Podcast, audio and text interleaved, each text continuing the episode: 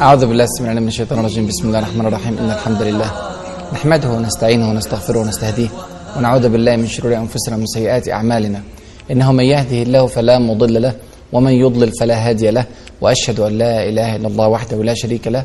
وأشهد أن محمدا عبده ورسوله. أما بعد فأهلا ومرحبا بكم في هذا اللقاء المبارك وأسأل الله عز وجل أن يجعل هذه اللحظات في ميزان حسناتنا أجمعين.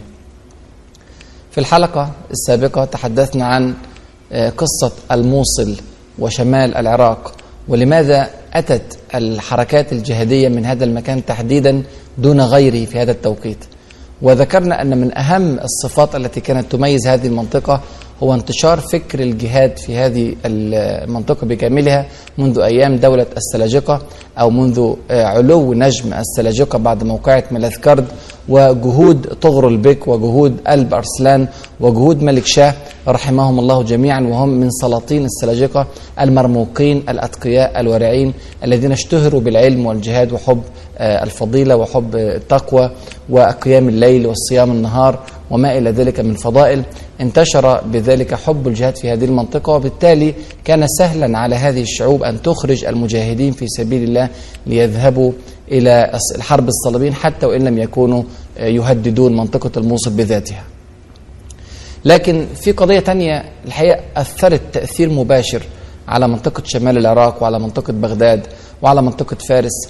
وهي قضية نظام الملك رحمه الله نظام الملك الطوسي وكان من أعظم الوزراء في تاريخ الإسلام وكان وزيرا لقلب أرسلان ثم وزيرا لملك, وزيرا لملك شاه وملك شاه حكم من سنة 465 ل 485 يعني انتهت فترة حكمه قبل الحروب الصليبية بقليل بحوالي خمس سنوات. ونظام الملك هذا أوصى بأمور كثيرة جدا كانت لها أثر مباشر على تغيير مسيرة الحياة في منطقة العراق ومنطقة فارس وما حولها من مناطق تحت سيطرة السلاجقة. هناك أمر في غاية الأهمية أوصى به نظام الملك الطوسي هذا الوزير المسلم التقي وكان له أكبر الأثر في حركات الجهاد التي خرجت بعد ذلك من العراق إلى منطقة الشام لحرب الصليبيين. هذا الشيء هو محاولة نظام الملك أن ينشر العلم بشكل منظم ومرتب ومنسق وبشكل يصل به إلى كل مكان في أرجاء الدولة السلجوقية الواسعة. ماذا فعل نظام الملك رحمه الله؟ ذهب إلى ملك شاه وعرض عليه الأمر بشكل لطيف للغاية. قال له أليس الله عز وجل قد من عليك بسلطان واسع وملك كبير؟ ملك ملك شاه كان يصل من الصين إلى بلاد الشام يعني مساحات شاسعة هائلة من الأرض. فقال له أكثير على الله عز وجل أن تعطيه بعد أن أعطاك هذا الملك الواسع ثلاثمائة ألف دينار تنفقها على طلبة العلم الذين يطلبون علمه ويرجون شريعته ويحافظون على دينه. فالعرض طريقة العرض أن الله عز وجل أعطى كثيرا وكثيرا وكثيرا لملك شاه وهذا حقيقي ويشاهده ملك شاه ويقر به ويعترف. فيقول له أعط من هذا الملك الكبير فقط 300 ألف دينار من الذهب لطلبة العلم ولعلماء الشريعة. طبعا هذا رقم هائل من المال مبلغ ضخم جدا وكبير جدا لكن طريقة العرض أن هذا جزء بسيط زهيد بالقياس إلى ما أفاض الله عز وجل عليه على ملك شاه وعلى سلاطين السلاجقة. طريقة العرض هذه لاقت قبولا حسنا في قلب ملك شاه. وقال فماذا نفعل؟ فقال نؤسس المدارس. المدارس التي تعلم الناس العلم والتي توقر في قلوب الناس حب الشريعة ومن ثم وافق ملك شاه على هذا الأمر وأعطى هذه الميزانية الهائلة ونظام الملك أيضا بدأ ينفق من جيبه الخاص بالإضافة إلى هذه الميزانية الضخمة وبدأ يؤسس ما يسمى بالمدارس النظامية في الدولة السلجوقية. المدارس النظامية نسبة إلى نظام الملك الطوسي رحمه الله وكان حريصا على تأسيس مدرسة أو أكثر في كل مدينة من المدن في الملك السلجوقي بكامله بل وصل الأمر إلى تأسيس بعض هذه المدارس في بعض القرى فانتشر العلم بشكل كبير في كل أرجاء الدولة السلجوقية. طبعا مركز الثقل في الدولة السلجوقية كان في منطقة فارس ومنطقة العراق. منطقة فارس هي العاصمة كانت تقريبا العاصمة بتنتقل أحيانا من تبريز إلى أصفهان أو, أو العكس. ومركز الثقل الآخر بغداد لكون الخليفة العباسي مستقرا في بغداد ولكون السيطرة الأكبر آه، لأكبر مدينة في العالم الإسلامي كله أو أكبر مدينة في العالم أجمع كانت مدينة بغداد. فكان هناك ثقل كبير لهذه المنطقة وكذلك منطقة الموصل التي كانت تسيطر على قطاعات واسعة من الجزيرة ومنطقة تركيا ومنطقة الشام ومنطقة العراق.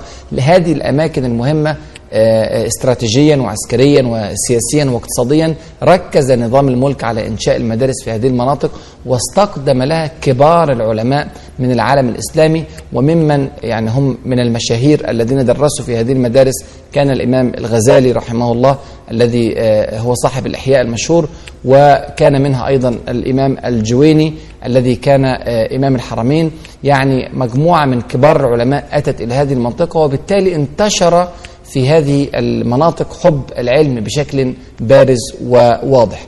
إذا هناك قيمتان يعني ظهرتا بشكل واضح في منطقة العراق بشكل عام ومنطقة آه، فارس في هذا التوقيت وهي قيمة الجهاد في سبيل الله وقيمة العلم وخاصة العلم الشرعي. هذه المدارس أيضا قاومت الأفكار الضالة التي انتشرت في ذلك الزمن. أفكار علماء الكلام الذين كانوا آه، يناظرون ويجادلون في أمور نظرية بعيدة عن صلب العقيدة الإسلامية السليمة أمور الفلاسفة التي آه، كانت تعتمد في أساسها على الأفكار اليونانية أمور الباطنية وأفكار الإسماعيلية التحريفات الكثيرة في العقيدة التي كانت موجودة في ذلك الوقت والتي انتشرت للأسف الشديد في بلاد الشام في هذه الوقت وأدت إلى الكوارث التي رأيناها عند دخول الصليبيين.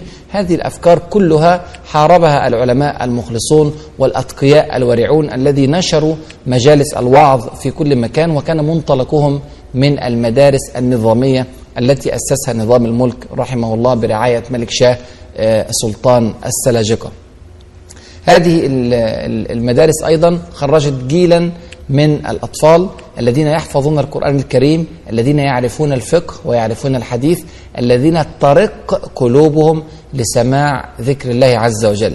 وخاصة أن هذه المناطق اشتهر فيها في ذلك الوقت الوعظ الروحي والطرق الصوفية وكان هذا له تأثير كبير جدا على حركة القلب مع حركة العقل وبالتالي كون إنسان متكامل يستطيع أن يرى أحوال أمتي ويحاول أن يغير هذه الأحوال بقدر ما يستطيع. في هذه البيئة يا إخواني نشأ المجاهدون في سبيل الله. في هذه البيئة نشأ, نشأ كربوغة الذي ذكرنا قصته في أوائل الحلقات أنه كان أول من حاول أن ينصر أنطاكية عندما حصرت. نشأ في هذه البيئة بعد ذلك سنرى قصة مودود وهو من كبار المجاهدين في تاريخ الإسلام. ثم نشأ بطل قصتنا عماد الدين زنكي رحمه الله في منطقة الموصل وسنذكر بإذن الله في التفصيل الحلقات القادمة.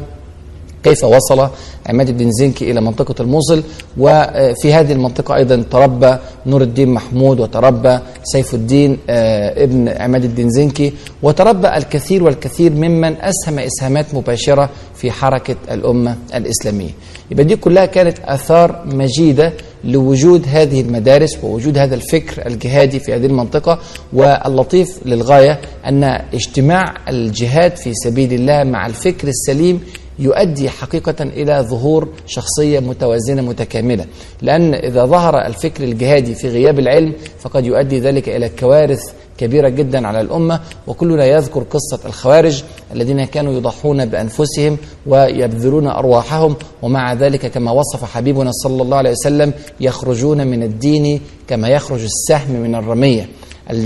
الخوارج ما كان عندهم مانع في بذل الأرواح وكانت عندهم حمية كبيرة جدا وشجاعة لكن كانوا يفتقرون إلى العلم الذي يضبط هذا الجهاد في سبيل الله.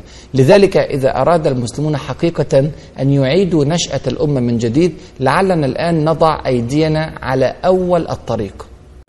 أول الطريق حقيقة هو هؤلاء العلماء الأجلاء الذين نشروا العلم الصحيح ثم في ذات الوقت نشر الفكر الجهادي المبني على علم صحيح وكما نعلم جميعا الحقوق التي أخذت بالقوة لا يمكن أبدا أن ترد إلا بالقوة وهذا ما كان متعارفا عليه في أرض العراق في ذلك الزمن وفي أرض فارس أو قل في كل أملاك الدولة السلجوقية. أيضا في منطقة شمال العراق آه، بعض القبائل الأخرى وبعض الأعراق الأخرى وبعض الأمور التي ساعدت على أن يكون هناك فكر جهادي أصيل في هذه المنطقة والتي ساعدت على تصدير الحركات الجهادية بعد ذلك من شمال العراق إلى منطقة الشام. لعل من أبرز هذه القبائل والأعراق كانت قبيلة الأراتقة والأراتقة هم أولاد أرتق التركماني وهو أيضا من الأتراك ك- كالزنكيين. وهذا ال- الرجل كان حاكما على فلسطين وكان صديقا شخصيا لملك شاه سلطان السلاجقة وكان رجلا ورعا تقيا وعينه آه، ملك شاه على فلسطين فترة من الزمن بعد أن حررت من الاحتلال العبيدي. ولكن عندما جاء الاحتلال العبيدي مرة ثانية في سنة 490 هجرية واحتل آه، بيت المقدس واحتل فلسطين بكاملها عندها خرج أولاد أرتق ابن آه، آه، أرتق التركماني آه، وخرجوا إلى شمال العراق وأسسوا هناك بعض الممالك وكان من أشهرهم سقمان الأرتقي والغازي الأرتقي أولاد مؤسس الدولة فهذا الفكر أيضا ال- الذي يعتمد على التقوى والورع الذي انتشر في قبائل الاراتقه في ذلك التوقيت كان له اسهاما مباشرا في تغيير طبيعة الناس في هذه المنطقة. أيضا ممن كان يعيش في منطقة شمال العراق كان هناك ال- الأكراد والأكراد شعب إسلامي أصيل قديم جدا دخل في الإسلام منذ سنة 21 هجرية تقريبا. كان معظم الأكراد دخلوا في الإسلام في ذلك الوقت وكانوا يقطنون في منطقة آه، شمال العراق بالقرب من الموصل وكانت لهم أيادي بيضاء كثيرة على الجهاد في سبيل الله في أثناء مسيرتهم الطويلة في الإسلام ومنهم طبعا خرج نجم الدين أيوب وكان يعيش في هذه المنطقة أيضا في شمال العراق. ومن نجم الدين أيوب خرج بعد ذلك صلاح الدين الأيوبي ونجم الدين أيوب كان مساعدا ومعاونا لعماد الدين زنكي ثم بعد ذلك لنور الدين محمود وهذا الذي مهد كذلك لخروج حركة الجهاد بعد ذلك من الأكراد. كل هذه العوامل جعلت شمال العراق مهيئا ومقدما لتقديم النصرة والمساعدة لحرب الصليبيين في أرض الشام وإن كانوا لم يتعرضوا مباشرة لضربات الصليبيين. نلتقي إن شاء- الله بعد الفاصل فابقوا معنا.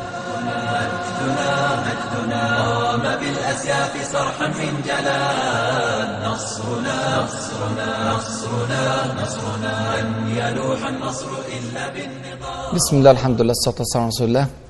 قبل الفاصل عرفنا آه، انتشار قيمة العلم وقيمة الجهاد في سبيل الله في منطقة شمال العراق ومن ثم آه، تكون الشعب على هذه المعاني وعلى هذه الأفكار. والواقع أن المدارس النظامية لم تكن هي المصدر الوحيد للعلم في هذه المنطقة ولكنها نشرت مجرد نشرت الفكر آه، فكر حب العلم وفكر طلب العلم وفكر السعي إلى المدارس للتعليم وفكر حماية الدولة ورعاية الدولة للمتعلمين والإنفاق عليهم واستخدامهم من كل مكان في العالم الإسلامي. أنا أذكر أن من نواتج هذه ال- المدارس آه، أمرين كانوا في غاية الأهمية في منطقة العراق ومنطقة فارس. والأمر الأول هو استقدام العلماء من كل مكان في العالم الإسلامي. فجاء العلماء من مناطق شرق العالم الإسلامي من مناطق اليمن من مناطق مصر من غيرها من الأماكن وخاصة أن الكثير من هذه الأماكن كانت تعاني ظلما فاحشا وكانت تعاني تغييرات كبيرة جدا في العقيدة يقودها بعض الظالمين وبعض المفسدين في الأرض. فحدث نوع من الاضطهاد للعلماء هنا وهناك فأصبحت هذه المنطقة متنفس للعلماء وصارت مثل المدينة المنورة التي تجمع ال- الصالحين من هنا وهناك لنشأ دولة صالحة في هذا المكان. فده أول شيء أن بدأ العلماء يأتوا من هنا وهناك ليستقروا في منطقة ال- ال- العراق وبالتالي أثروا تأثير مباشر جدا على المسلمين الموجودين في هذه المناطق ولم يأتي العلماء بفكر علمي واحد فقط وده طبعا شيء برضو في غاية الأهمية غير من طبيعة الأوضاع في منطقة شمال العراق يعني إيه الكلام ده؟ يعني طبعا المناطق الإسلامية كان بيغلب عليها اتجاه مذهبي معين في مدارس الفقه المختلفة في بعض المناطق مناطق شافعية بعض المناطق حنفية أو حنبلية أو مالكية لكن عند استقدام العراق لكل العلماء من كل البلاد بدأ يتكون فيها فكر يقبل الرأي الآخر. وده شيء كان في غاية الروعة وعملوا الحكام اللي كانوا موجودين في منطقة الموصل ورغبوا فيه حتى أن بعض العلماء في هذه المناطق كانوا يجمعوا بين مذهبين وكان هذا أمرا غريبا جدا في هذه الأونة. ولعلنا نذكر الزمان الذي حدث فيه قبل ذلك نوع من الإضمحلال والضعف في الدولة الإسلامية كان هناك صراع بين الطوائف المختلفة وكان يأتي على المسلمين زمان لا يتزوج فيه الشافعي من حنبلية ولا يتزوج فيه المالكي من من حنفية وما إلى ذلك من أمور عجيبة جدا مرت بالأمة الإسلامية. ورأينا بعض المساجد في بغداد في زمان الضعف في زمان بني بويه عندما انتشرت المذهبية وجدنا أن هناك أربع صلوات تقام في المسجد الواحد. صلاة لكل مذهب ولا يصلي أصحاب المذهب مع مذهب آخر وكأنه ديانة مختلفة. كل هذه الأمور تغيرت في هذه الفترة. واستطاع العلماء أن ينشئوا جوا من الفكر الذي يقابل الفكر الآخر بالحجة والبرهان والدليل في جو من الحب والمودة والألفة وعدم الصراع وعدم الشقاق بين المسلمين. كل هذه أثار غيرت كثيرا جدا من طبيعة الشعب في هذه المنطقة وجعلت من همه الوصول إلى الحقيقة بصرف النظر عن العالم الذي جاء بهذه الحقيقة. ونذكر من العلماء الذين يعني عاشوا في هذه المناطق وأثروا فيها تأثيرا مباشرا كان الشيخ عبد القادر الجيلاني وهو من كبار المفكرين وكبار العلماء وكبار المنتجين أنتج, أنتج عددا كبيرا من المؤلفات وكان أيضا من أصحاب التصوف ولكنه كان متصوفا عاقلا لم يكن يؤثر البدع وكان يحارب هذه البدع بشكل كبير. وكان رحمه الله من علماء الفقه الحنبلي ومن علماء الفقه الشافعي. وكان يفتي بكلا المذهبين وهذا يدل على سعة علمه وعلى سعة أفق سعة أفقه أنه كان ليس عنده التعصب لمذهب معين إنما كان الدليل غايته فيصل إلى الدليل ويكلم به الناس ويفتي به للعالم. هذه ال ال الأمور الحقيقة خلقت جو رائع أثرى بعد ذلك الأمة الإسلامية ليس فقط في العراق ولكن في كل المناطق التي انتشر منها العلماء بعد ذلك من العراق إلى غيرها من الأماكن. الحاجة الثانية المهمة جدا غير استقدام العلماء من أماكن مختلفة كانت أن هؤلاء العلماء سلكوا مسالك أخرى لتعليم الناس. يعني غير المدارس النظامية أصبحت المساجد منارات تعليم حقيقية. كانت المساجد في فترة بني بويه قبل قدوم الدولة السلجوقية وقبل نظام الملك وقبل هذا الفكر العلمي كانت المساجد مجرد مكان للصلاة ولقص بعض القصص على المصلين بعد الصلوات لكن سبحان الله تحولت المساجد إلى محاضن تربوية حقيقية أو قل بالأحرى عادت المساجد إلى دورها الذي كانت عليه أيام حبيبنا صلى الله عليه وسلم عندما أنشأ المسجد وجعله مكانا للصلاة وجعله مكانا لتعليم الناس وجعله مكانا لشفاء وعلاج المرضى وجعله مكانا لإيواء الغريب وجعله مكانا للمفاوضات والمعاهدات التي تقام مع غير المسلمين حتى مع غير المسلمين كانوا يستخدمون في داخل المسجد وجعله مكانا لتجيش الجيوش وجعله مكانا للخطب والوعظ والإرشاد للناس يعني كان مكانا حتى وصل الأمر إلى أن أصبح المسجد مكانا لإعلان الأعراس ومكانا لألعاب المسلمين بعضهم البعض وما أكثر ما شاهد حبيبنا صلى الله عليه وسلم في المسجد المباريات التي كانت تقام بين الحبشة والضحك الذي كان يكون بين الصحابة رضي الله عنهم وأرضاهم. فكان كل حياة الصحابة في داخل هذا المسجد انتقلت هذه الروح العظيمة من المدينة المنورة في أيام الرسول صلى الله عليه وسلم إلى المساجد التي أسست في عهد قوة المسلمين أو في عهد فهم المسلمين الحقيقي لدينهم. فكانت هذه الصورة في شمال العراق في ذلك الوقت. وغير المساجد كذلك تحرك العلماء إلى الأماكن البعيدة منهم حتى من وصل في سعيه إلى أماكن الجبال وأسس هناك مثل الرباط الذي يرابط فيه المجاهد في سبيل الله. كانت هناك أربطة يقيم فيها العالم يعلم الناس في هذه الأماكن النائية ولعل من أشهر العلماء في هذه المنطقة وكان يعيش في مناطق جبال الأكراد. وكانت الأكراد قبل أن يذهب إليها في هذه المنطقة قد بعدوا بعدا كبيرا عن الدين وأفسدوا إفسادا كبيرا في الأرض وحدث نوع من الخلل الأمني في مناطق شمال شرق الموصل. ذهب إليهم أحد كبار العلماء ونشر إليهم هذا الفكر العلمي الراقي. كان هذا العالم هو عدي ابن مسافر رحمه الله وهو من كبار علماء المسلمين ولعل الكثير من المشاهدين والمشاهدات لم يسمعوا أصلا عن اسم هذا العالم الحبر الجليل.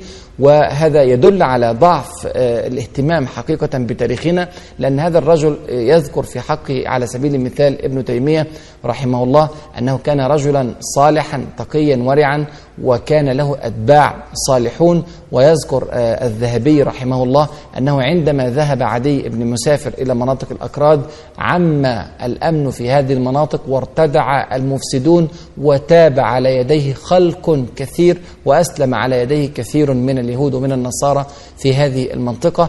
ويقول في حقه عبد القادر الجيلاني رحمه الله يقول لو كانت النبوة تنال بالمجاهدة لنالها عدي بن مسافر من شدة تقواه ومن شدة ورعه رحمه الله ويقول ابن كثير تبعه في ذلك خلق كثير وأصبح له من الأعوان ما لا يتخيل في هذا الزمن الذي عاش فيه هناك زمن قصير مدة محدودة. طبعا هذه الروح العلمية وهذا التوقير لكبار قادة الأمة من العلماء والوعاظ والفقهاء. وهذا الانبساط في الفكر وتقبل الرأي الآخر وشيوع المذاهب الفقهية المختلفة. وهذه الروح الجهادية العالية كل هذه الأمور لابد أن تفرز في النهاية إخواني واخواتي إنسانا متكاملا أو شخصا فاهما أو شعبا مؤثرا على الجهاد ومحبا له وموقرا للشريعة ومحبا للقرآن الكريم ومحبا للسنة المطهرة لا شك أن الذي ينتج من كل هذه التفاعلات سيكون إنسانا متوازنا يحقق النصر والرجاء للمسلمين. كل دي صورة شفناها في شمال العراق لكن إذا نظرت على الوجه الآخر إلى منطقة الشام وراجعت التاريخ الذي كانت عليه منطقة الشام فهمت البون الشاسع الذي كان بين هذه المنطقة وبين منطقة العراق. نجد أن منطقة الشام احتلت من قبل العبيديين من سنة 359 هجرية وظلت في هذا الاحتلال إلى سنة 477 هجرية يعني أكثر من 100 سنة متصلة. كان من هم العبيديين الإسماعيلية. في ذلك الوقت من همهم الرئيسي قتل علماء السنة أو تهجيرهم من خارج إلى خارج منطقة الشام. وهذا كان عاما على كل بلاد الشام في سوريا في لبنان في الأردن في فلسطين. ففرغت هذه المناطق تماما من علمائها. لم يعد هناك من علماء السنة من يعلم الناس دينهم ومن يفقههم في شريعتهم من يحبب إليهم القرآن من يوقر عندهم السنة من يحبب إليهم الجهاد في سبيل الله وكان الجهاد في سبيل الله أمرا محرما عند العبيديين وكانوا يعتبرونه مقاومة لهم وبأفكارهم المنحرفة كانوا يخشون من أولئك الذين تظهر عندهم هذه النزعة فكانوا يقمعونها بكل طرقهم فإذا اختفى العلم واختفى الجهاد فأي أمل يرجى في البلاد. لذلك رأينا هذه الانحدارة الكبيرة جدا في مستوى بلاد الشام في ذلك الزمن. للأسف الشديد أنه حتى بعد أن حررت البلاد من الظلم العبيدي ومن الاحتلال العبيدي حررت إلى يد توتش ابن ألب أرسلان والذي كان رجلا كما وصفناه في الحلقات السابقة رجلا ظالما مستبدا قاهرا لشعبه غير محب للشريعة وغير محب للعلماء. وأحدث الكثير من الفتن وقاتل سلاجقة الروم وأثر تأثيرا مباشرا على اقتصاديات البلاد وعلى أحوال العباد وكان رجلا ظالما بمعنى الكلمة. وحتى عندما قتل توتش سنة 488 من الهجرة أورث البلاد من بعده لولديه وكانوا على شاكلته من الظلم وكانوا على شاكلته من الفساد. رضوان الذي حكم منطقة حلب ودقاق الذي حكم منطقة دمشق وكلاهما كان يتنافس ويتصارع ويتقاتل مع بعضه البعض وكانوا أحيانا يتعاونون مع الصليبيين وكانوا أحيانا يتعاونون مع الأعداء للأمة سواء كانوا من الإسماعيلية أو من غيرهم حتى أن رضوان ابن توتش ابن ألب أرسلان تشيع واتجه إلى مذهب الإسماعيلية وحارب علماء السنة في بلده في حلب. يعني الأوضاع كانت مختلة بشكل كبير وهذا أعطى الشعب انطباع أنه لا فرق كبير بين العبيديين وبين توتش بن ألب أرسلان وأولاده وبين الصليبيين أنفسهم. وهذا دفع للأسف الشديد بعض أفراد الشعب الذي كان يعيش في الشام في ذلك الوقت إلى العمل والتعاون المباشر مع الصليبيين. طبعا ده شيء كان مفجع ومؤسف لكن إذا نظرت إلى الخلفيات ووجدت التربية التي تربى عليها الشعب على مدار أكثر من 100 سنة متصلة أو 130 140 سنة إذا ضممت فترة حكم توتش إلى حكم آه، العبيديين. تجد أنه من السهل جدا على هذا الشعب قبول فكرة التعامل مع الصليبيين العمل في مزارع الصليبيين العمل في متاجر الصليبيين العمل في موانئ الصليبيين. التعاون معهم بشكل كبير خاصة وأن الصليبيين كانوا يجزلون لهم العطاء ويؤمنونهم في المقام الأول على أرواحهم. هذا بون شاسع كبير جدا بين منطقة العراق وبين منطقة الشام وهذا يفسر لنا أول الطريق لتحقيق النصر ولتحقيق بناء الأمة وحدة وجهاد وتوقير للشريعة. ونسأل الله عز وجل أن يفقهنا في سننه وأن يعلمنا ما ينفعنا وأن ينفعنا بما علمنا إنه ولي ذلك والقدر عليه. السلام عليكم. عشقت شهادة فنسيت دنيا. طلبت الخلد فالدنيا حطام. فيا رباه بلغه جنانا بها الشهداء أحياء